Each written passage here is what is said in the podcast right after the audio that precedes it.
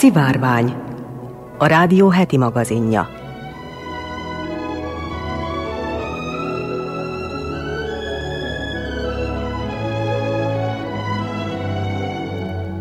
Köszöntöm a Szivárvány hallgatóit, Molnár Eleonóra vagyok, színes magazin műsorunk szerkesztője.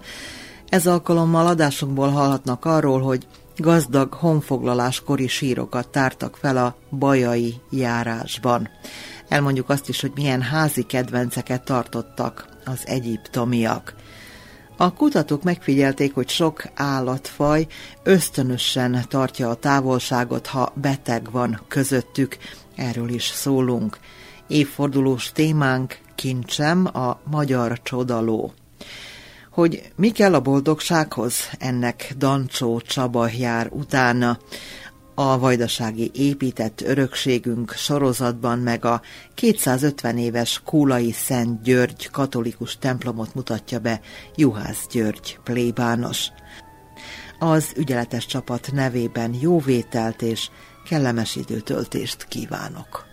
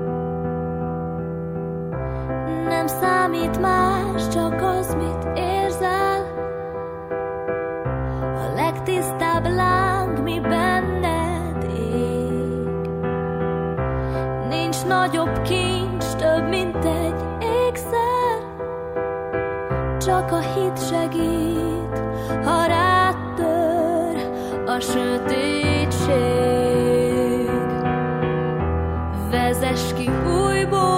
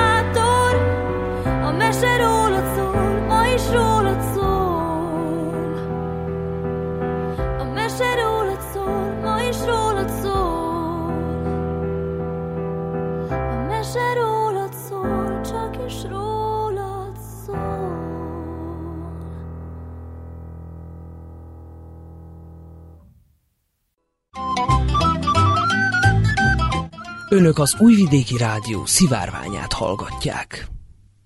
Három gazdag honfoglalás kori harcos férfi sírt tártak fel mentő feltárás során a Tűr István Múzeum munkatársai a Bajai járásban. Andrási Réka, Pap Evelin Pásztor, Emília Régészek, Sultis László és Szalontai Bálint régész technikusok, műtárgyvédelmi asszisztensek és külső munkatársaik ügyködtek a feltáráson. Egy korábban végzett terepbejárás során az együttműködésnek köszönhetően egy újabb, eddig ismeretlen lelőhelyet azonosítottak a Bajai járásban, ahol különleges honfoglaláskori leleteket, különböző típusú ruhavereteket, kengyeleket találtak. A gazdag felszíni leletanyag arra mutatott, hogy a mezőgazdasági munkák által bolygatott terület egy honfoglaláskori temetőt rejt magában. A föld művelése szántása során akaratlanul is folyamatosan roncsolódtak a föld alatt rejlő sírok. Egy-két szarmata lelet is előbukkant, például egy fél aranyból készült félhold alakú csüngő, egy úgynevezett lunula, amely arra engedett következtetni, hogy két korszakos temető rejlik a mélyben. A mentőfeltárás során három honfoglaláskori sírhelyet sikerült azonosítani. Az első egy gazdag férfi sír volt, amelyben a csontváz mellett fegyvereket is találtak. Nyíltegeszt, benne épp különböző típusú nyílhegyekkel, egy szabját, melynek pontos típusa még tisztázásra vár, és a harcos férfi íját. A fegyverek a következő módon voltak elhelyezve a sírba a bal oldalára fektették a nyíltegeszt, benne a gyönyörű, éppen megmaradt nyílhegyekkel. Erre helyezték a szabjáját, amely nagyon szép állapotban maradt meg. Az íjata tegeznek döntve helyezték a sírba. Mivel szerves anyagból készült, az íj természetesen nem maradt meg, így a két végére és a közepére erősített csontlemezek jelezték a fegyver egykori elhelyezkedését. A honfoglalóknál jellemző volt az úgynevezett részleges lovas temetkezés, itt is megfigyelhető volt ez a jelenség. A sír végében az elhunyt lába alatt a ló négy lábszárcsontja és a ló koponyája látott napvilágot. Megfigyelhetőek voltak a lószerszámok is, két kengyelt, csikózablát és egy heveder csatot helyeztek még a sírba. A sírba étel mellékletet is tettek, amelyet napjainkban már csak egy állatcsont jelez. A régészek további két férfi sírt is feltártak, ezekben is előkerültek lószerszámok, de a ló koponyáját, lábszárcsontjait már itt nem helyezték a sírba. Ez az úgynevezett jelképes, szimbolikus lovas temetkezés. Ekkor a lócsontokat nem teszik a sírba, csak a lószerszámokat. A másik két sír is férfiak maradványait rejtette, mellettük különböző nyílhegyek, illetve az egyik sírban szintén tegez alkatrészeit, nyomait sikerült megfigyelni. A bajai járásban hiteles körülmények között csekély honfoglaláskori lelet ismert, a madaras árvai dűlőn az 1970-es években találtak egy hat síros temetőt, de ott éppen a férfi sírokat tették tökre a földmunkálatok, így ez az első hitelesen feltárt gazdag honfoglaláskori férfi síra Bajai járásban, amelyet a Tűr István Múzeum munkatársai dokumentáltak. További érdekesség, hogy bár ezen a területen a 10. század előtt szarmaták temetkeztek, most már tudjuk, hogy a honfoglalók számára is kedvelt temetkezési hely lehetett. Ez támasztja alá, hogy a gazdag fegyveres sír egy szarmatak körárokba lett belásva, majd a mellette lévő honfoglaláskori sír valószínűleg egy szarmata temetkezésbe, ami a körárokhoz tartozik. Azt feltételezzük, hogy a tizedik századi sírok jó része éppen maradt meg, azonban a földművelési munkálatok miatt veszélynek vannak kitéve. Az ekehúztasávok közvetlen a csontok és a szabja felett rajzolódtak ki a talajban, sőt az egyik sírban a tegeszt meg is bolygatta az eke, így ebben az esetben már csak részleges megfigyeléseket lehet tenni. A közeljövőben történő tervásás keretében a földtulajdonos szíves hozzájárulásával és támogatásával a Tűr István Múzeum szakemberei folytatni fogják a kutatásokat.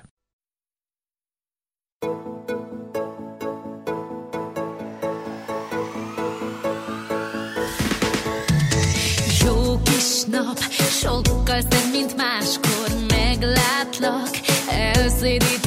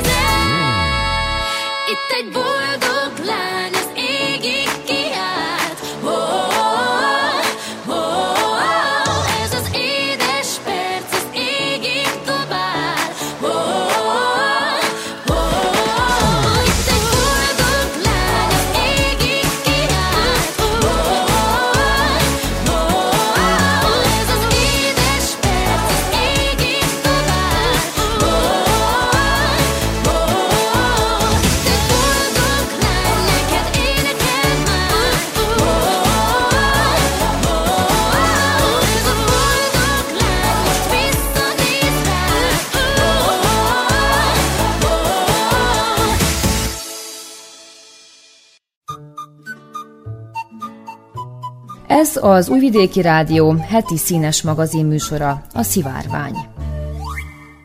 Öt népszerű, de mai szemmel furcsa házi kedvencük volt az ókori egyiptomiaknak, tehát a macska fontos volt az ókori egyiptomiak számára, de nem az egyetlen kedvelt házi kedvenc. Kutya, macska, hörcsök, tengeri malac, aranyhal, a mai ember számára ezek a jól megszokott házi kedvencek. Ha valaki törpemalacot, madárpókot vagy csincsillát választ magának, arra az emberek már felkapják a fejüket. Kevesen tudják, hogy volt olyan idő is a történelem során, amikor még ezeknél is nagyságrendekkel különlegesebb állatokat választottak maguk mellé az emberek. Az ókori egyiptomiak, akik minden más állat felett imádták és tenyerükön hordozták a macskákat, és családtakként szerették a kutyákat, egzotikus és vadállatokat is előszeretettel tartottak házi kedvencként. Miért tartottak különleges állatokat az ókori egyiptomiak? Wim van Ner, a Royal Belgian Institute of Natural Sciences történelemkutatója úgy magyarázza, hogy az ókori egyiptomiak két okból tartottak egzotikus állatokat, mert az erő szimbólumainak tartották őket, illetve mert egyes állatokra isteneik földi megnyilvánulásaként tekintettek, van Ner szerint az ókori egyiptomiak feltételezhetően csak idővel tanultak meg megfelelően bánni a házi állatoknál sokkal kevésbé simulékony vadállatokkal. Ezt onnan lehet tudni, hogy a feltárt állati maradványok közül a régebbieken több olyan nyomot találtak, ami fizikai fenyítés jeleit őrzi magán, mint a későbbi időkből valókon. Arra is bőven van bizonyíték, hogy milyen fontossá váltak ezek az állatok a gazdáik számára, Szinte emberekként bánhattak velük, hiszen halálukban is így kezelték őket. Meg annyi állati mumia került elő, melyeket megvizsgáltak, és azt látták, hogy az emberekhez hasonló módon őket is szakszerűen mumifikálták, bebalzsamozták és vászoncsíkokkal pójálták be. Több olyan sírt is feltártak, melyben gazdi és kedvence együtt voltak eltemetve. Mindez arra mutat, hogy akkoriban hittek benne, hogy a halál csak egy átmeneti állapot, és a túlvilágon ismét találkozni fognak. Az ókori egyiptominak öt különleges állata volt. Akkoriban Egyiptomban sok számunkra meghökkentő állatot tartottak. A felsőbb osztályok körében népszerű kedvenc volt az ibis. A madár egyrészt a bölcsesség jelképe volt számukra, másrészt pedig Tóth Isten szimbóluma is akit a korabeli ábrázolásokon gyakorta láthatunk ibis fejjel. A fáraók és korai királyok sólymot is tartottak, mégpedig Hórusz és Montu sólyom fejjel, illetve sólyom alakban ábrázolt istenek jelképeként. A madárban gazdáik a vadászati siker jelképét és reményét is látták. Tóth Istent nem csak Ibis fejjel, hanem pávián alakban is megjelenítették. Ebből eredendően mind a páviánok, mind általában véve a majmok kedvelt kedvencek voltak az ókori Egyiptomban. Mivel a majmok nagyon értelmes, jól tanítható lények, őket minden bizonyal közvetlen közelükben tarthatták a gazdáik. A gazella ugyancsak népszerű házi állatnak számított, Anuket istennő jelképe volt, akit vagy ilyen alakban, vagy szép fiatal nőként ábrázoltak egy gazella kíséretében. Anuketet a Nílus istennőjeként és termékenység istennőként is definiálják. A krokodil szobek, a krokodilfejű, illetve alakú víz és termékenységisten földi szimbóluma is volt. A rendkívüli erőt képviselő állattól tartottak, hiszen egy szempillantás alatt véget vethetett egy ember életének. Ennek ellenére, vagy épp ezért, úgy tekintettek rájuk, mint az erő szimbólumára. Ugyan egyszerűen élő civilek nem tartottak a házuknál krokodilt, de a papok igen. A Kom Ombo nevű templom tavacskájában például több példány is lakott, és fenséges bánásmódban részesültek. Ez a Szivárvány, heti színes magazinműsorunk.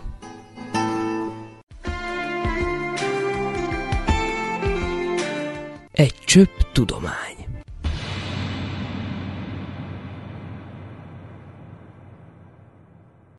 Az állatok maguktól ösztöneikre hallgatva gyakorolják a biztonságos távolságtartást, ha beteg van közöttük, olvasható a Science tudományos magazin friss számában megjelent tanulmányban.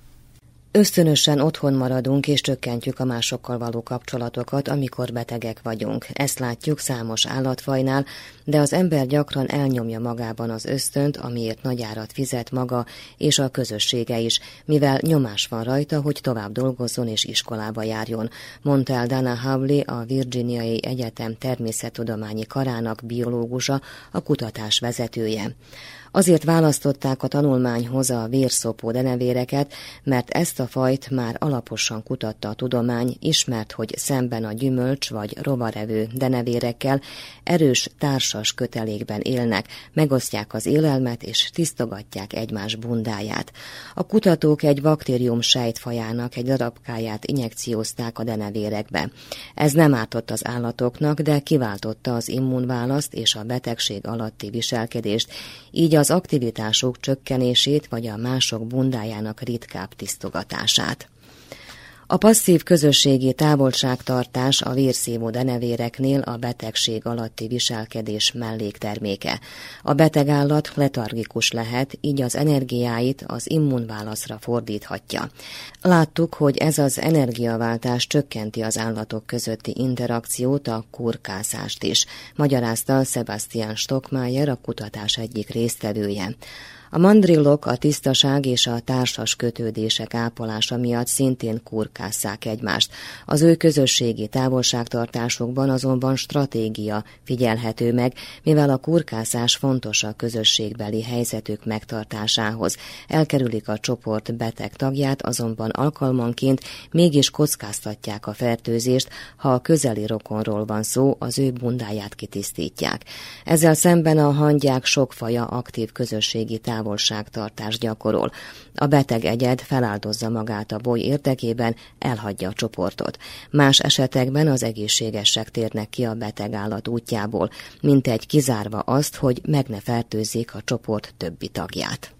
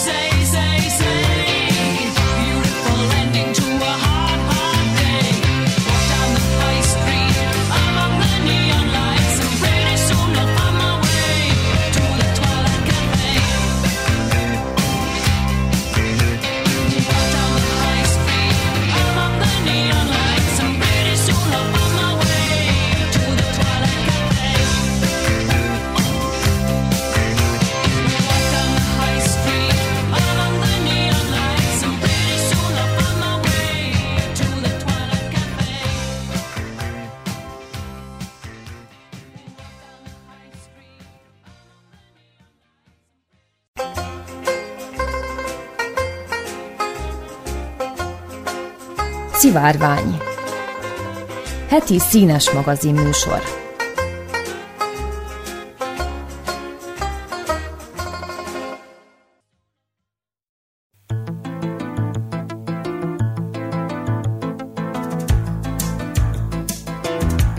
Évfordulók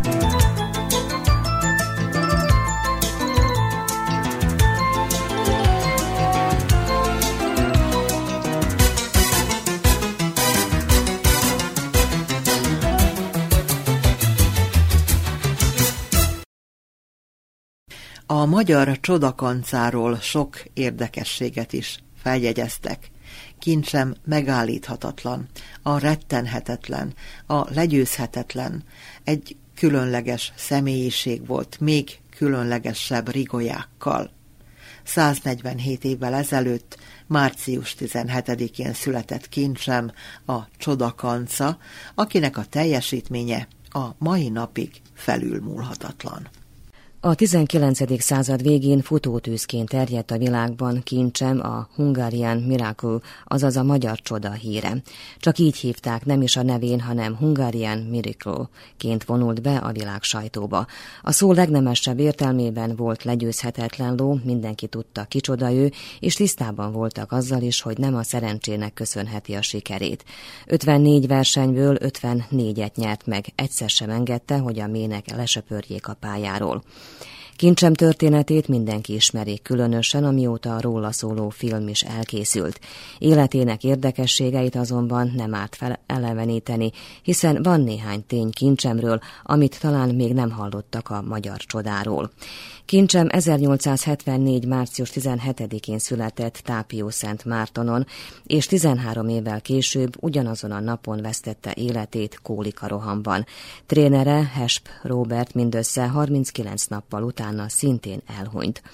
Csak egy éves korában kapta meg gazdájától, Blaskovics Ernőtől az ikonikus kincsem nevet. Blaskovics Ernőnek 1875-ben összesen 6-7 lova és 6 csikója volt. Ezt soknak tartotta, ezért kincsemet egy éves korában eladásra kínálta öt másik lóval együtt. Tulajdonképpen csak a szerencsén múlt, hogy kincsem végül nála maradt. Rajta kívül mind az öt lovat megvásárolta két gróf. 1876-ban döntött úgy, hogy elkezdi versenyekre felkészíteni. Kincsem két évesen kezdett versenyezni, összesen négy éven át állt rajthoz hat különböző ország versenypályáján. Berlinben futotta az első versenyét 1876. július 21-én, az utolsót pedig Budapesten 1879. október 21-én. Kincsem legjobb barátja a fekete-fehér csalogány nevű foltos macska sem legenda, hanem valóság. Nélküle nem volt hajlandó versenyezni.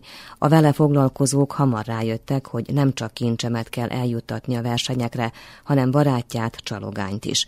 Egy francia derbin történt meg az az eset, amikor egy teljes személyzet kereste kétségbe esetten az eltűnt macskát, csalogány ugyanis úgy döntött a verseny előtti pillanatokban, hogy kóborol egy kicsit a bolonyai kikötőben. Kincsem nem csak barátjára volt kényes, de az ivóvizére is. Bádenben például egy teljes napig nem volt hajlandó inni a víz eltérő íze miatt. Az istáló személyzete végül egy kútvizét kínálta fel neki, amit nagyon nehezen, de elfogadott. 1877-től kezdve egy titkos hódoló minden egyes verseny előtt ibolyacsokrot küldött kincsemnek, amit a homlokszíjához kötöztek.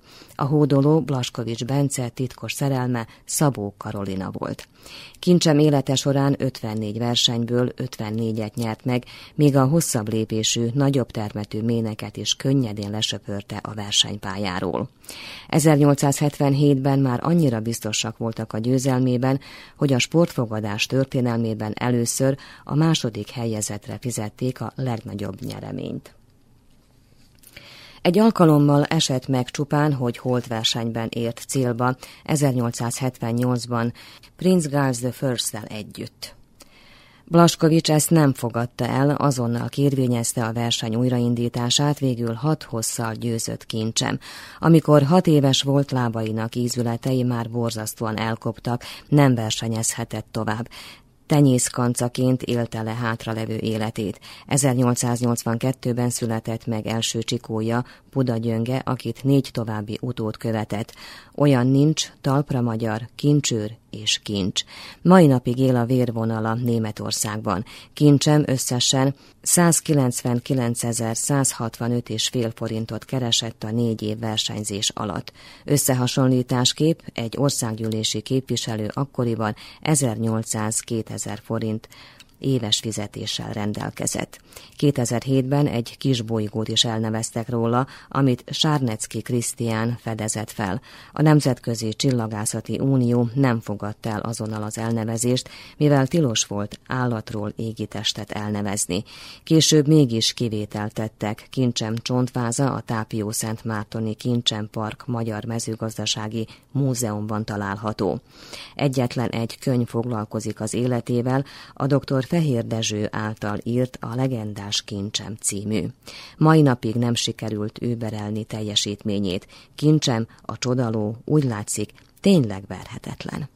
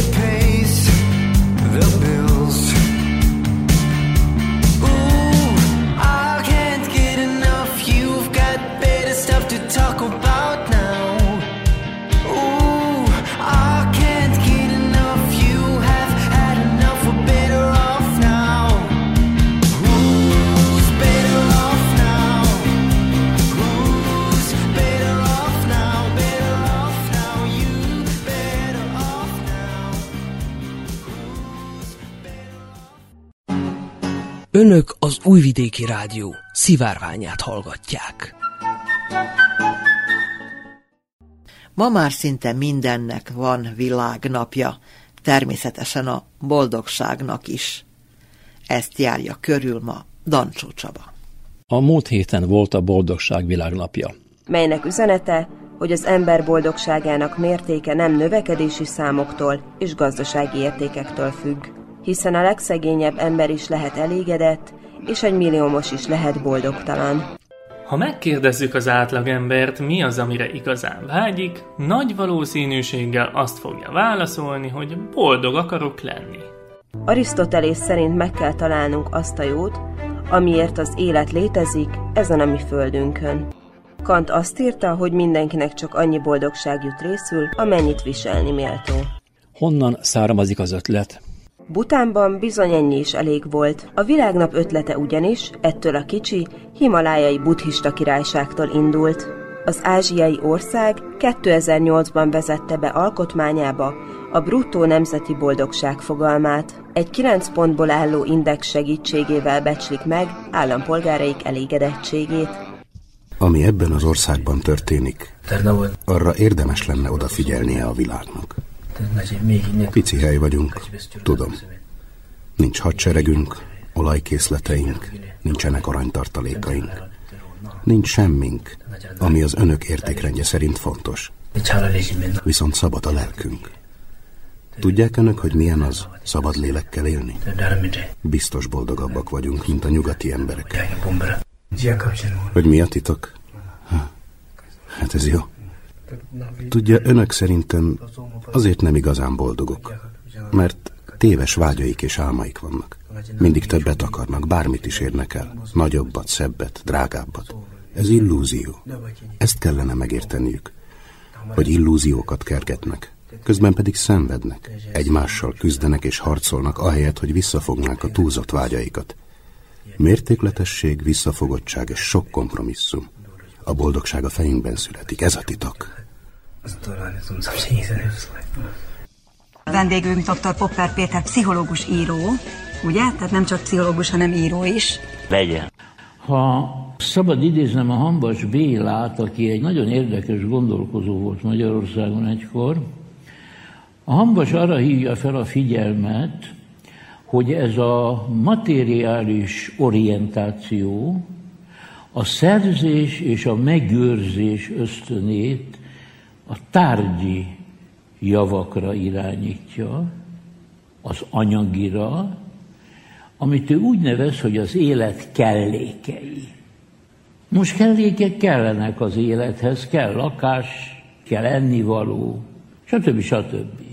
De ha a hangsúly erre tevődik át, akkor kialakul egy olyan kultúra, vagy egy olyan társadalom, mondja Hanvas, amelyiknek csak a kellékek Hogy van lakása, tehát fedél a feje fölött, az nem elég.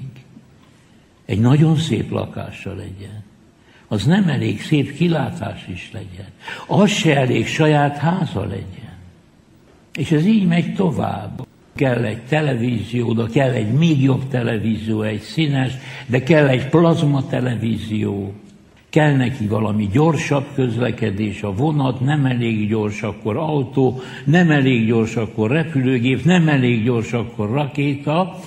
Szóval állandóan cseréli a kellékeket, és úgy érzi, hogy nem múlhat el az élete a legjobb frigider, a legjobb technikai háztartási felszerelés, a legértékesebb dolgok, most művészi alkotásoktól kezdve bármi birtoklása nélkül, megszerzése és birtoklása nélkül. Még, még, még, még, még kell, élni már nem marad ideje. Pax Televízió fejben dől el? Erről szeretnék beszélgetni kedves vendégemmel, dr. Bagdi Emőkével, emeritus és egyetemi tanár, pszichológus. Mik ezek az örömforrások? Persze vannak egoista örömforrások is, ezek ugye táplálkozás, gurmannak lenni, valami ilyesféle, amikor az örömszerzésnek ilyen nagyon privát útjait, egoista útjait választjuk. Én idegenkedve nézem, hogy egy állítólagos magas kultúra, akik mi vagyunk, ennyit foglalkozik az abálással. És akkor minden élet ösztönük itt koncentrálódik, hogy jaj, vigyázni kell, hogy mit teszem. Erről szól az élet. Erről szól. Szabad erről szólnia. De a valódi igazi öröm, ami olyan örömhormon termeléssel jár, hogy szinte végig zuhog az egész szervezetünkön, mikor kapcsolatban örülünk a másiknak. Különösképp az adásnak az örömét dicséri a pszichológia, hogy valakinek örömöt szerzünk, látjuk az ő örömét, ez visszatükröződik, és ez az, ami teljes öröm. Dr. Szondi Máté, aki pszichológus családterapeuta, és ezzel a témával is foglalkozik többek között, mint a pozitív pszichológia más témáival is. A boldogságot szubjektív jólétnek nevezték el a pszichológusok. Az első az élettel való elégedettség. A második a pozitív érzelmek magas szintje, a harmadik pedig a negatív érzelmek alacsony szintje. A rossz anyagi helyzet megnöveli a boldogtalanság valószínűségét, viszont miután valaki elér egy átlagos anyagi helyzetet, utána az anyagi helyzet javulása nem jár együtt magasabb boldogság szinttel. Az áramlat tevékenységekről Csíkszent Mihály Mihály, magyar származású pszichológus írt először. Tanulj és gyakorolj, hogy fejleszd a készségeidet. Így bármilyen tevékenységet áramlat élményé tudsz tenni. Következő tényező a társas aktivitások. Azok a tevékenységek, amelyeket másokkal együtt végzünk, nagy mértékben megnövelik a boldogságunkat. Azok az emberek, akik több ismerőssel, több baráttal rendelkeznek, sokkal boldogabbnak vallják magukat, illetve a párkapcsolatban élő, illetve házasságban élő személyek szinte mindig boldogabbnak vallják magukat, mint azok az emberek, akik nem élnek párkapcsolatban. Az ENSZ határozatában az olvasható, hogy a boldogságkeresés az emberi lét egyik alapvető célja.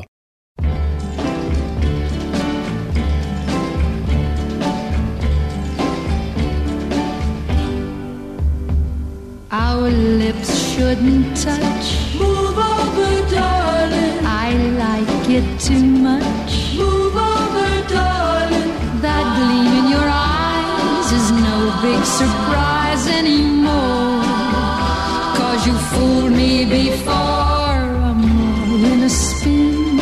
Move over, darling. About to give in. Move over, darling. And though it's not right, I'm too weak to fight it somehow. Cause I want you right now.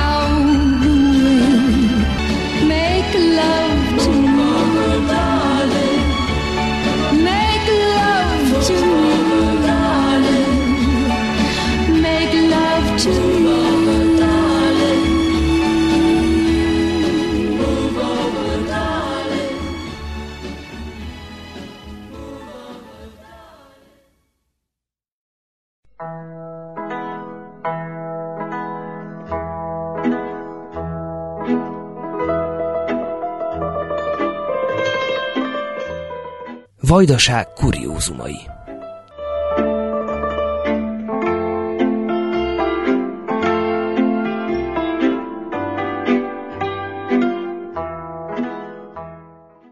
Vajdasági épített örökségünket bemutató sorozatunkban ezúttal a Kúlai 250 éves Szent György katolikus templomot Juhász György plébános mutatja be templomunk Szent György tiszteletére lett fölépítve, fölszentelve, és 250 évvel ezelőtt épült, 1770-ben az osztrák-magyar monarchia idejében állami költségen épült. Azért az érdekesség az, hogy akkor csak fele ekkora volt, amikor fölépítették, ez a stílusáról meg is lehet szépen ítélni. Később, amikor 1828-ban kibővítették ezt a templomot, meg hosszabbították, meg fölépítették ezt a sekrestit és a sekrestivel szemben levő most kis templomnak nevezett részt. Miért volt szükség a bővítésre a hívő közösség? Igen, igen, nagyon nőtt a, a, a híveknek a száma. Ugye abban az időben hát egy, egy családban 10-10 valami gyerek is született, úgyhogy nagyon rohamosan nőtt, és a, a híveknek a száma,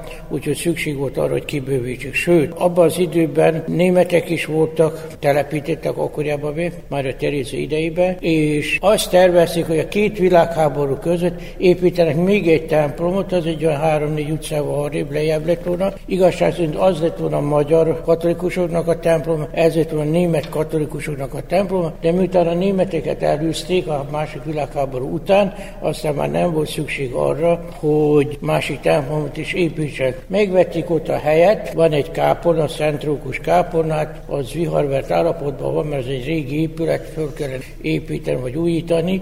Milyen nyelven miséznek? Ugye említette, hogy német közösség is volt, de most is van még igény a német nyelvű misére? Szóval németek ma már nagy, van még egy kevés számú németség itten, de az nagyon kevés. Van egy ilyen német szervezet, kisebb. Civil szervezet. Hát így civil szervezet így van, de nem sok német van. Szóval itt a templomban főleg magyar nyelven misézünk, újabban ugye horvát nyelven misézünk, mert nagyon sokan jöttek Boszniából a 60-as, 70-es években, és aztán itt is ragadtak, és akkor ők esetleg jönnek, hát ők se nagyon sokan nincsenek, egy tizen, hogy eljönnek a misére vasárnap, akkor az nagyon jó. Tehát nem sokan jönnek. Vannak többen, de nem járnak templomba főleg magyar nyelven megy, a, megy itt az Isten tisztelet.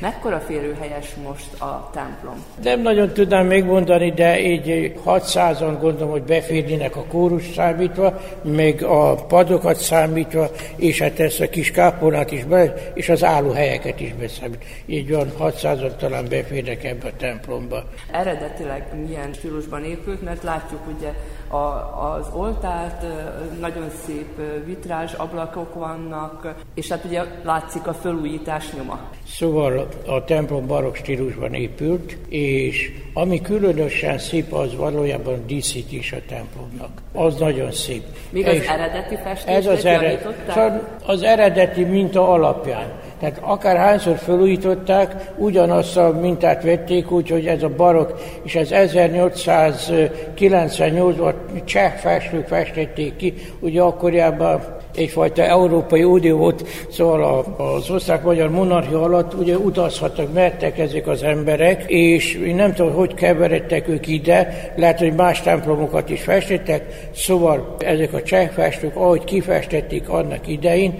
azután mindig ugyanúgy lett felújítva.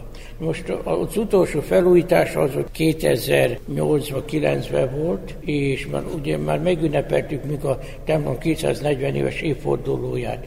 Sose tudja az ember, hogy lesz -e alkalmunk, nem lesz, mire lesz alkalmunk, és akkor egy ilyen ünnepséget csináltunk, úgy a templombúcs alkalmával a kalocsai érsek jött, ő tartott ünnepi misét, most is ezt szerettük volna. 2021-re halasztották. Hát igen, hát hogyha meg tudjuk tartani, akkor majd 2021-ben megtartjuk, meghívjuk ismételten az érsek urat, amikor majd tud, akkor hát eljön, és akkor megtartjuk ezt a háladó Isten tiszteletét, szentmisét. Az orgona szól, mert nagyon szép az orgona Szólni szól, szólni szól, de kellene újra hangolni, meg át kellene dolgozni, úgyhogy gyakorlatilag nem használjuk.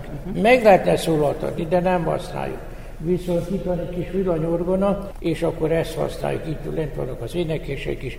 Mivel nem vagyunk nagyon sokan a templomba, ezért a, ha itt van az énekkar elől, ez nagyon szépen hangzik akkor, úgyhogy hát most ez van, ilyen lehetőségek vannak. Külső felújítás is volt, és még folyamatban is van. Ugye úgy hallottam, hogy most éppen a kerítés felújítása hát is. igen. Öntött vaskerítés.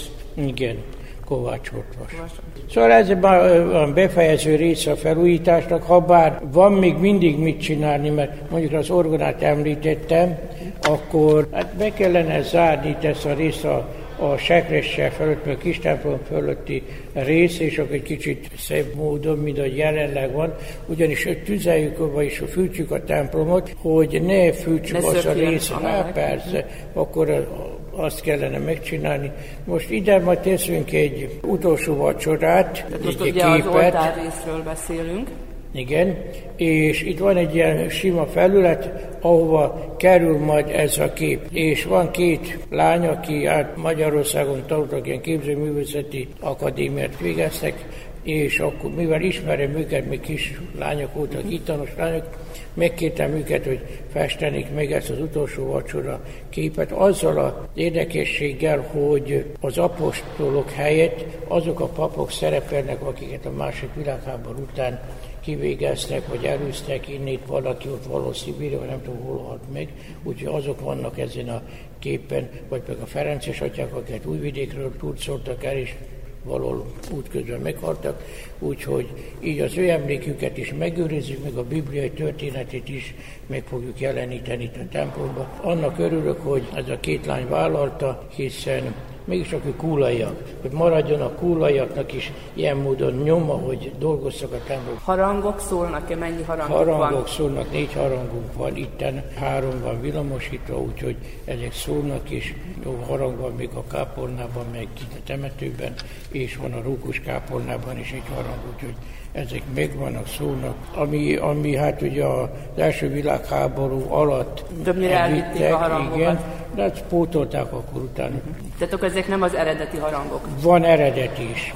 Mekkora a legnagyobb és mekkora a legkisebb harang, és melyik szól leggyakrabban? Tehát az a három, ami A nagy harang, a nagy harang szól leggyakrabban, és ez a kis harang az az úgynevezett lélekváltság, az, az nincs a villamosítva, és az most igazából ritkábban szól. De az, az is szól. A főoltár képét ez a híres bécsi festő József Keszter festette, azaz 1800-as években, ez pedig egy budapesti festő, Peski József festette, ezt a baloldali Pietának mondhatnánk, viszont ezt a jobboldali mellékoltár képet, ezt nem tudom pontosan kifesteni, a megborult könyves atya úgy írja, hogy ez is Keszler festette de nem találtam még sehol se beírva, hogy kifestette. Viszont a köves atya úgy írta, hogy ez a baloldali Pietá is, ez is Keszlernek a műve, de nem az övé. Szépen látszik a bal sarokba, oda van a Peski József. És az ablakvitrázsok, ezek eredetiek? Ez az első négy, ez eredeti, és ezt ez a Zsellér Imre, budapesti művész ember volt, azt készítette nagyon szépek. Azzal, hogy ha jól megfigyel, akkor észre lehet venni, hogy elég sok betört már kellett javítani, most miért tört be, azt én nem tudom. Na minden esetre megvalót köves atya rendbe tette. Na most egy tíz évvel ezelőtt szükség mutatkozott arra, hogy az ólom kereteket kicseréljük, mert ma valami elenged, most nagyon jó állapotban van. És ez a másik négy ablak, ami itt van, ez viszont most készült el 2011-ben.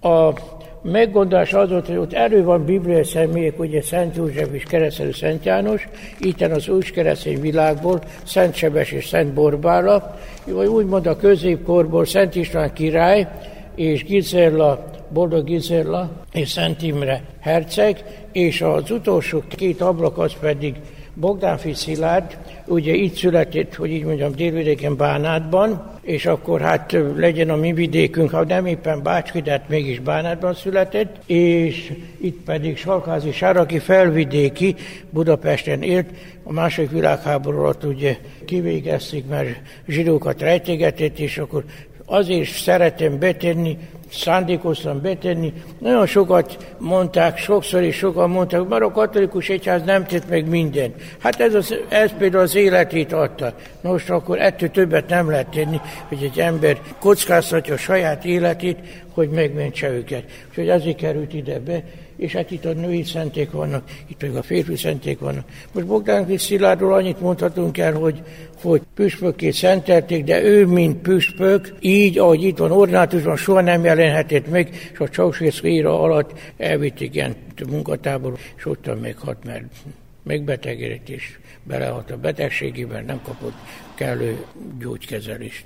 Most ugye a plébánia szembe van a templommal, hogyha esetleg valaki kulára vetődik és szeretne bejönni a templomba, bármikor lehet azért jelentkezni a plébánia, vagy hogyan látogatható a templom? Nem úgy, hogy misét, hanem csak, hogy csak bejöjjenek, hogy, hogy megnézni. Akár egy kis ilyen történelmi órát is tartani. Sajnos csak úgy lehet bejönni, hogyha bejelentkeznek. Mert egyébként nagyon nagy veszély van annak, hogy ellopnak mindent, ami részből van, nyitva. vagy ne talán, nem tudom, már értékesebb dolog, ez már megtörtént, úgyhogy nincs nyitva állandóan a templom. Uh-huh. A tervem az, hogy azért lehet, hogy egy ilyen kovácsolt vas valami ajtót rácsodott ide megteszünk a bejárathoz, hogy, hogy nyitva tarthassuk a főbejárati ajtókat, de a templomban igazából... be lehet jönni és igen, be lehet látni. Igen, igen, ilyesmit terveztem, de hát most még az nem került abba sorra. Egyébként említette a festményeket, említette a vitrázsokat, ez mennyire egyházi adakozásból, ugye említette, hogy állami pénzekből emelték a templomot, de mennyire járultak a hívők hozzá ahhoz, hogy így nézzen ki? A templom renováláshoz, a tíz évvel ezelőtti renováláshoz hozzájárultak, de ez is végső soron állami pénzekből készült, és meg a nagy beruházási alap először újvidékről támogatott pályázó támogatunk és támogatott bennünket. Viszont a mostani felújítás, mondjuk ez a kerítés, ez is óriási pénz, ezt a magyar állami támogatásból tudjuk realizálni. Egyébként nem tudtuk. Annyit ráköltöttünk erre a templom, amit mi soha összegyűjteni nem tudtunk volna a hívektől. Sajnos a hívek leszegényedtek, viszont a kiadások azért mégiscsak nagyon nagyok erre a renoválásra, de hála Istennek, hogy sikerült.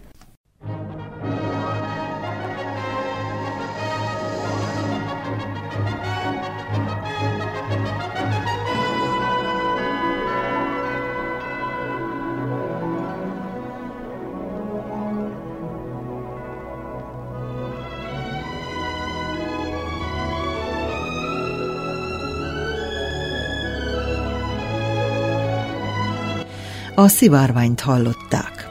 Heti színes magazin műsorunkkal egy hét múlva jelentkezünk ismét. Az ügyeletes csapat nevében Molnár Eleonóra köszöni figyelmüket. Kellemes hétvégét kívánok!